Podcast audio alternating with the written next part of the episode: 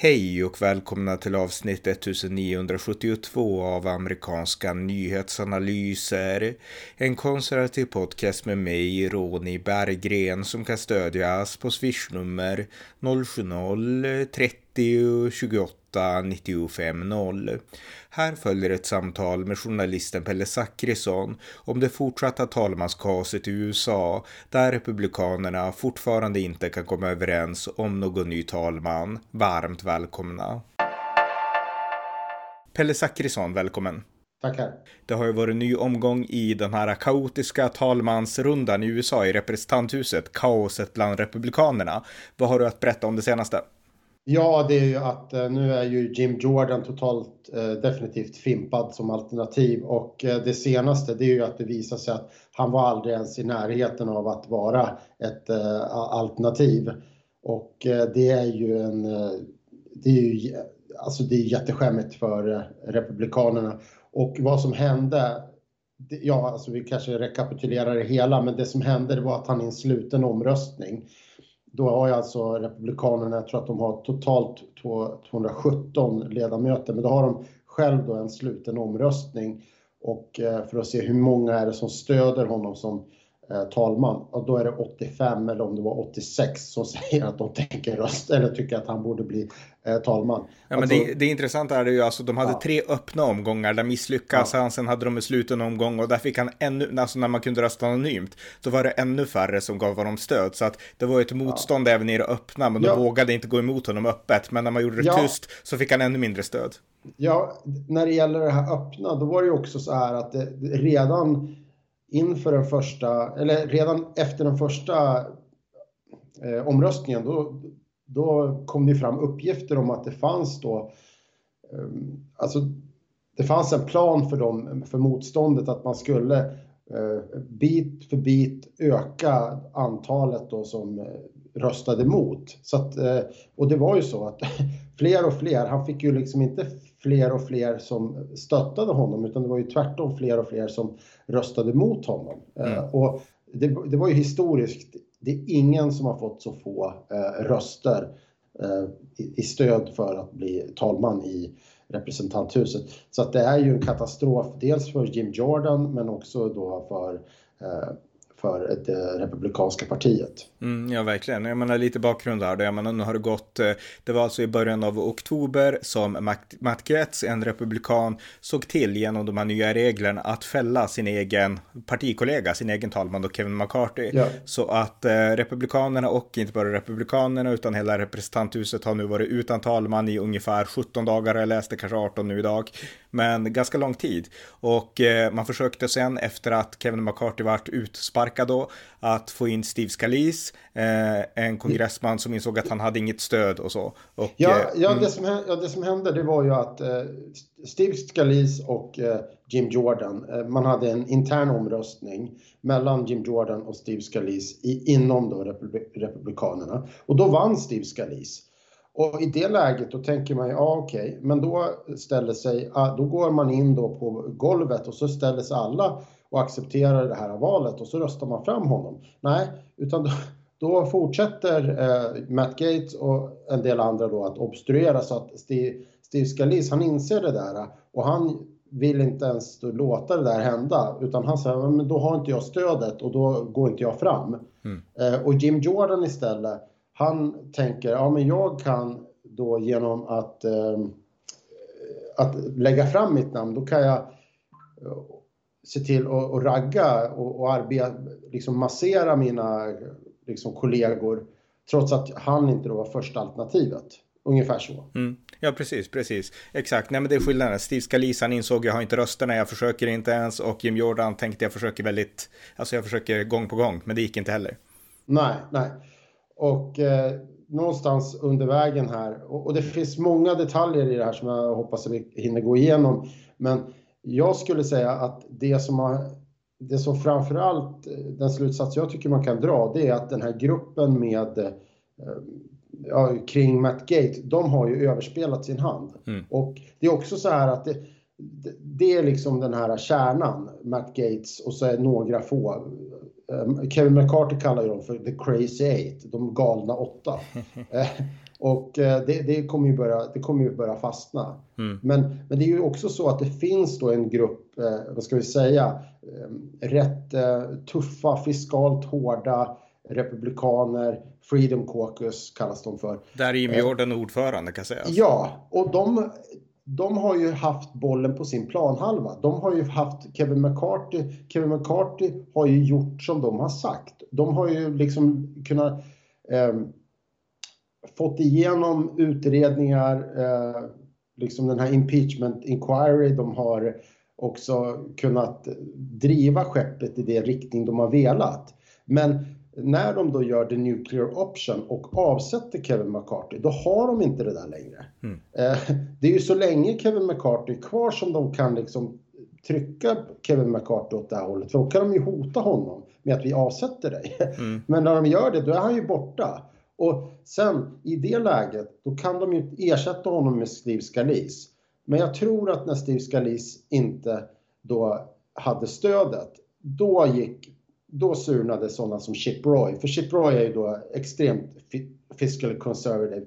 Eh, då tror jag att han surnade till. Då han kände att den här Matt Gates, han, han är inte intresserad av att eh, ens driva igenom konservativ politik. Nej, men det, bara... det, det, är bra att du säger det, därför att det är en skillnad alltså man kan prata om. Det finns ju falanger inom partiet och det så har vi då den här medlaren, Kevin McCarthy som var speaker. Och sen har vi Freedom Caucus som är fiscal conservatives. Jag vet hur många de är, de är ganska många, liksom 30 personer ja, eller någonting. 40, sen... 40 tror jag. Okej, okay, just det. Mm. Mm. Men sen har vi då Matt Getz gäng som är fiscal conservatives, men, man ska, men, men de är inte synonyma med Freedom Caucus. Det är viktigt att liksom betona den skillnaden. Så att det finns ett litet minigäng och det är Matt Getz och hans, vad sa du, de åtta liksom. Ja. Som verkligen ja. skjuter allting i sank. Så att Freedom Caucus, där Jim Jordan var med, där eh, liksom, det är ändå en skillnad mellan dem och Matt Getz gäng.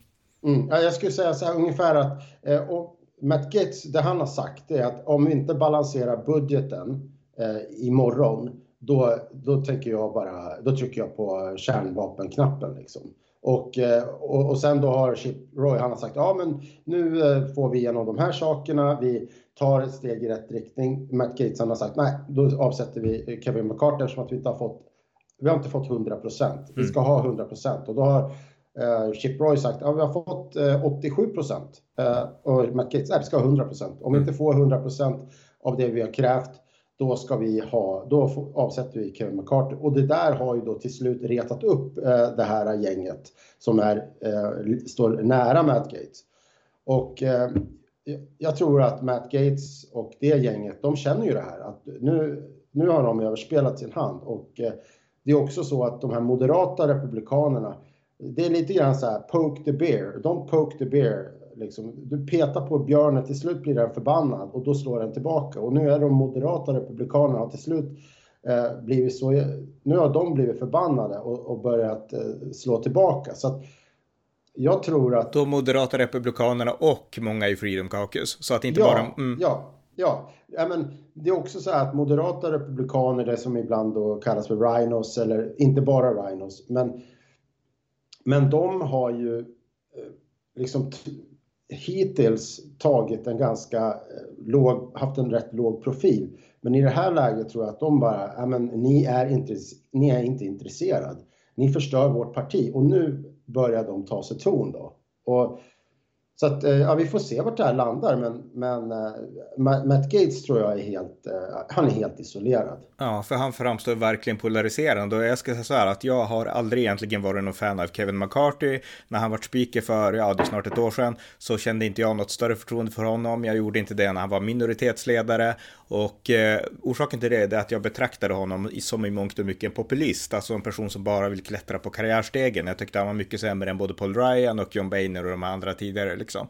Men republikanerna, mm. men han har verkligen de senaste, eller man kan säga sen han blev speaker så tycker jag att han har tagit ansvar och den här situationen har han verkligen försökt styra upp. Han har insett att jag har ett ansvar jag måste förvalta och han har verkligen gått in i den ansvarsrollen så att jag har fått mycket mer respekt för Kevin McCarthy den senaste tiden och nu inför den här, man kan tänka sig att Kevin McCarthy borde vara bitter för han varit utsparkad, men han gav ett väldigt starkt och kraftfullt stöd till Jim Jordan som ändå är en slags konkurrent till honom och sa ändå att Jim Jordan, vi har arbetat tillsammans jättelänge, han är en jättebra person och vi måste välja honom nu liksom. Och det kändes som att han sa det för att verkligen visa att nu måste vi hålla ihop. Alltså nationen står inför kris, demokraterna de har en öppen gräns mot Mexiko och det är krig i Israel och så vidare. Så vi måste fixa det här nu. Ehm, det var liksom Kevin McCartys budskap. Så att han känns ändå som att han försöker ena liksom ett parti som är allt annat än enat. Ja, det, det är som, om man tar då Jim Jordan, han kommer med en, en bakgrund som en, en, en republikan som aldrig har lyckats få en enda lagstiftning igenom, som har varit en, hans, eh, vad ska jag säga, hans eh, varumärke har varit att, och jag tänker att i ett parti som är väldigt brett och in, som tillå, har en väldigt hö, som är väldigt högt i tak som Republikanerna, så har hans roll varit att vara den här Firebrand eh, Republican, alltså en, någon som liksom är en blåslampa i, i röven på eh, vad ska vi säga, etablissemanget. Och, och, man behöver inte gilla allting som Jim Jordan säger och sådär. Men han har ju aldrig, det har aldrig handlat om att han ska få saker att, eh, att han ska inte sy ihop saker. Och då eh, ska han då helt plötsligt försöka ta över de, liksom rollen som verkligen handlar om att sy ihop överenskommelser det blir svårt att tro att han är den rätte personen för det uppdraget. Nej, jag håller helt med. Jag menar, Jim Jordan är också personen som verkligen har, dels har han fått stöd av Donald Trump, han endorsades av Donald Trump i att söka speakership, men han är också en person som själv har stött såklart och Donald Trump i vått och torrt. Så att jag menar, det är en person som, precis som du säger, alltså han är ute och gör ställningstaganden som är konservativa, men han känns inte som rätt man att medla och liksom, ja, hitta den här balansgången som man måste i realpolitiken. Det gör han inte. Och, och, där tror jag att det vi kommer att landa i, det, jag tror att om vi någonstans, det vi kommer att landa i, att det är att den talmannen som eh, får uppdraget framöver, eh, det är att eh, den personen kommer ställa som krav att eh, det här eh, enmansmöjligheten eh, att eh, eh, avsätta talmannen, det, det måste tas bort. Mm. Men innan vi kommer dit, några ja. saker till då om den här, liksom ändå, de här intrigerna om kring Jim Jordan. Och eh, dels så var det så att det finns ju en konflikt då såklart mellan, alltså den Kevin McCarthy avskyr, det är ju Matt Getz, de avskyr varandra totalt liksom. Eh, Matt Getz betraktar Kevin McCarthy, alltså den tidigare speakern, som en del av The Swamp och Kevin McCarthy betraktar Matt Getz som en total, liksom obstruktionist som bara förstör ungefär. Så att de två avskyr verkligen varandra. Och i samband med omröstningarna om Jim Jordan som att Getz då stödde därför att han är en Freedom Caucus-kille i Jordan så vart det en, eh, ja, ett, ett tjafs på kongressgolvet mellan, eh, ja, mellan Matt Getz då och, eh, och Kevin McCarthy, den tidigare speakern och Kevin McCarthy uppges ha sagt eller skrikit åt Matt Getz att sätt dig ner ungefär. Och jag har inte hört inspelningen utan jag har bara läst men då, då säger då eh, Kevin McCarthy, tidigare speakern, att nej men jag, jag skrek inte åt Matt Getz, men jag tror att hela landet skriker åt Matt Getz, sa han liksom. Så han skämtade till det där lite, Kevin McCarthy. Ja, och Matt Gates eh, kommentar är att, eh, att eh, Kevin McCarthy är liksom the swarmiest of swarms, liksom. Att han mm. är han, är, han representerar det här etablissemanget mer än någon annan. Och så här, min poäng någonstans det är att även om man håller med Gads i analysen om att, eh, att det skulle, ja men att det är liksom korrupt och sådär, så är det ändå så att han har ju överspelat sin hand. Det, han, han hade tummen i vitögat på Kevin McCarthy. Men när han får bort Kevin McCarthy och då tappar han ju stödet från de andra och det är svårt och de kan ju säga, men vad är din fram, plan framöver? Och, och, det här är också då en, en ytterligare aspekt där, det är ju att och visar då hur desperat Gates var. Det är att han och de här åtta, the crazy eight, de går ju fram med då ett sånt där erbjudande till de andra. Det är att ja, om, om ni röstar och stöttar Jordan, då accepterar vi att få eh, offentlig bestraffning. Att vi blir då, får en reprimand av eh, rep, representanthuset kallas för censoring. Och vi accepterar också att bli av med våra uppdrag i, kommittéer. Mm. Så att då, då, det visar liksom att de fattade att de... De backtrackar, var, de backtrackar ja. rejält. Alltså de inser ja. att vi har trampat i klaveret. Och, och, då skulle jag säga så här, det handlar nog om att Gates, de, alltså det är det som någonstans är väldigt bra med amerikansk politik, det är att den är väldigt självreglerande. Du, ute i distrikten så märker du direkt om dina eh, constituents, dina väljare, blir förbannade och eh, tycker att du är liksom kör fel politik. Va? Och är då Gates hemma och märker och de frågar sig, men varför, är, eh, varför, har ni, varför har ni ingen talman? Och, och han då känner det, fan, eh, det här kanske inte var så bra.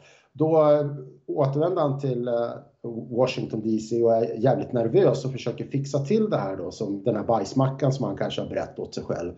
Eh, och för han fattar ju att även om han har suttit jävligt tryggt hittills då i, i representanthuset så kan det här innebära att han blir utmanad av någon i primärvalet. Mm.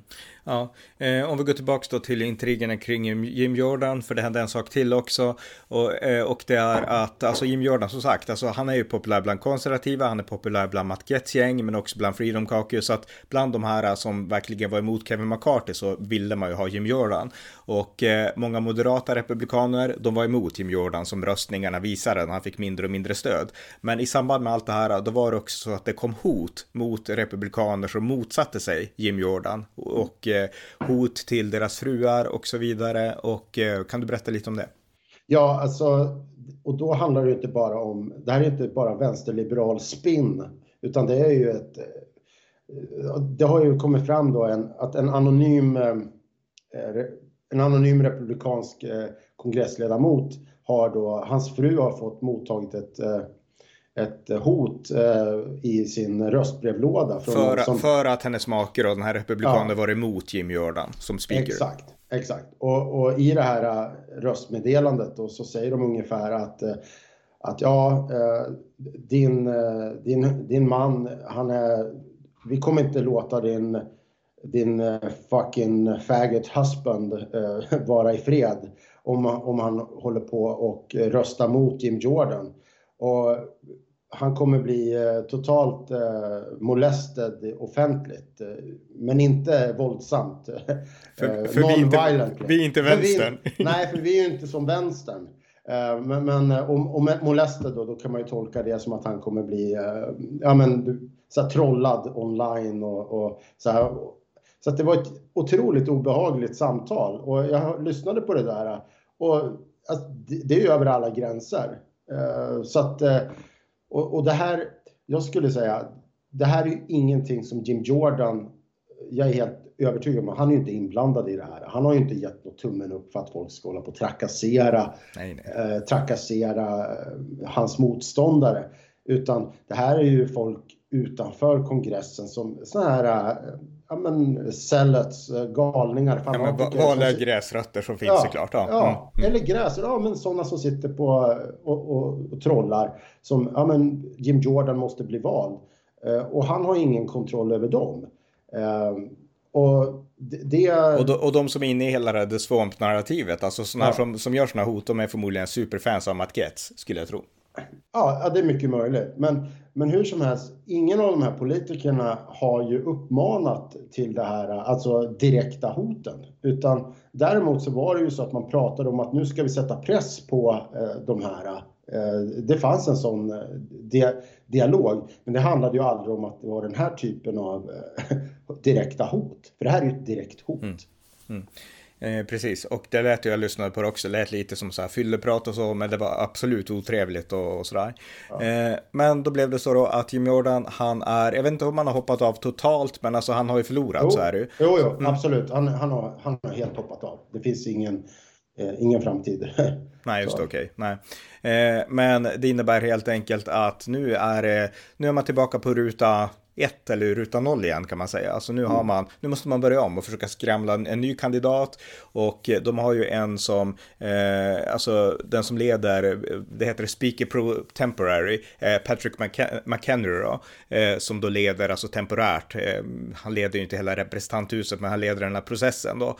Han har sagt att på måndag så kommer man hålla en ny secret ballot, alltså hemlig omröstning om en ny speaker nomini. Så att nu kan man kandidera om man vill och det är ett antal kandidater som har sagt att nu vill jag kandidera. Problemet med de här kandidaterna som, eh, ja, det finns en hel lång namnlista, men problemet med dem det är att de är väldigt, de är okända. Till exempel då så har vi eh, Kevin Hearn från Oklahoma, eh, som sitter för, ja, sitter i en av kongressens kommittéer, men han och många andra, de är helt okända, så att sannolikheten att de skulle få liksom ett majoritetsstöd eh, Eh, 217 röster. Eh, det, det, är liksom, den är mindre än både Steve Scalise och Jim Jordan. Ja, det finns ett, det finns ett något, lite av ett problem inför Republikanerna det är ju att de här medialt kända och profilerade Republikanerna som Byron Donald och sådär det, det är ju Republikaner som tenderar att vara, vad ska vi säga, lite mer eh, som sticker ut eller som är mer Eh, jag vet inte om man ska använda ordet radikal, men de har en, en mer, eh, deras, de ligger inte i mittfåran inom Republikanerna och då blir ju uppfattningen bland folk, när man tittar på Fox News eller vad det nu är, då kan man ju få uppfattningen att Byron Donald är någon som, ja men han borde väl ha ett brett stöd för han är ju, syns ju hela tiden på Fox News. Men, men, men så är ju inte fallet, för han ligger ju, han ligger ju på en, en kant inom partiet. Och återigen, alltså det är jättebra att man har den typen av politiker, men, men han är inte den som kan samla ett eh, republikanskt parti.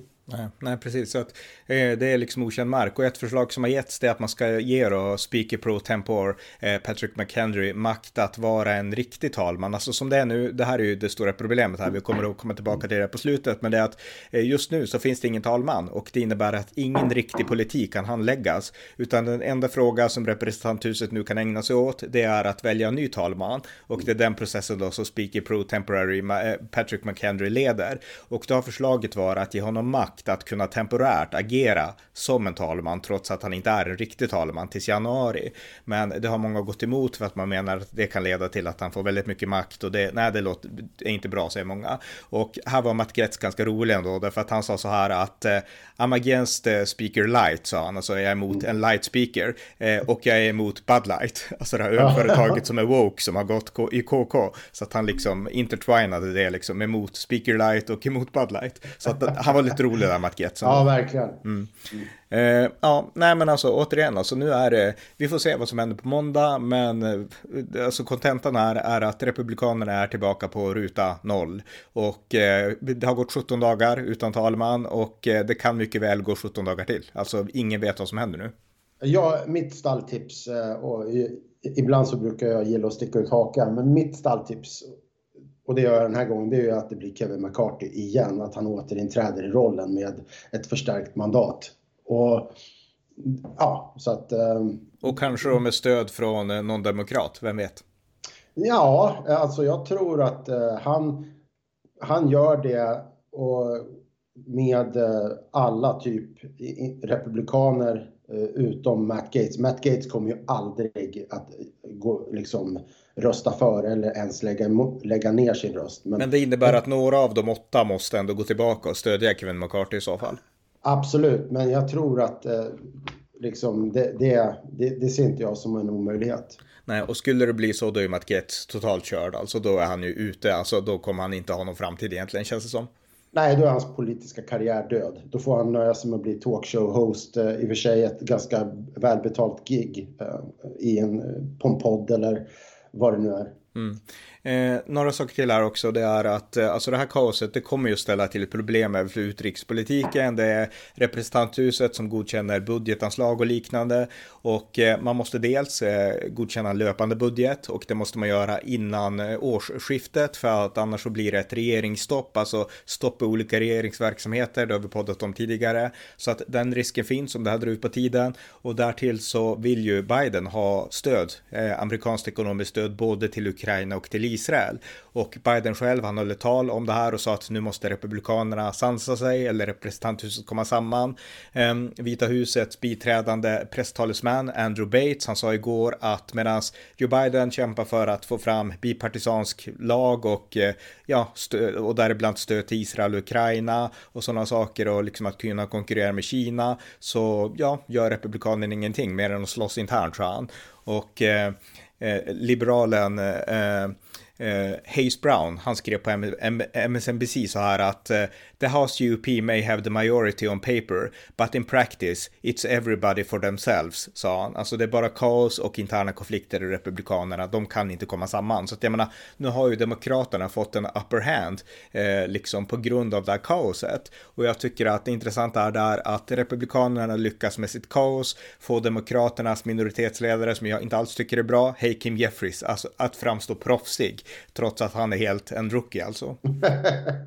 ja, alltså varje omröstning när Demokraternas eh, eh, ledare Jeffries står och har flest röster, det, är, det är rätt dålig, mm. det, är, det är rätt dålig grafik liksom för Republikanerna. undvik det, det är, mitt, det, det är tips från coachen. Men vad tänker du om vi tar sista saken här då? Så vilka konsekvenser, jag var inne på de här två sakerna, regeringsstopp och stödet internationellt, men alltså vilka konsekvenser får det här för världen att det är så här, tänker du? Alltså, det, ja, ja i praktiken så, jag tror inte att det i praktiken får eh, stora konsekvenser, för jag tror helt enkelt inte att USA eh, USA är ett, en fungerande institution på något sätt och i slutändan så kommer man att lösa det. det. Någonstans har jag den känslan. Men det kommer ju att bli en förnedring av republikanerna som utan dess like. Mm. Ja, jag håller med. Alltså det, det, här alltså, det är bara en tidsfråga, sen kommer det att lösa sig, för det är alltid det. Men, men eh, nej, precis, så det kanske är mer temporärt, men vi får se. Men okej, okay, men tack så mycket Pelle. Tack. Tack för att ni har lyssnat på amerikanska nyhetsanalyser. En konservativ podcast som kan stödjas på swishnummer 070-30 28 95 0 eller via hemsidan på Paypal, Patreon eller bankkonto. Skänk också gärna slant till valfri Ukraina-hjälp eller Israelinsamling. Allt gott tills nästa gång.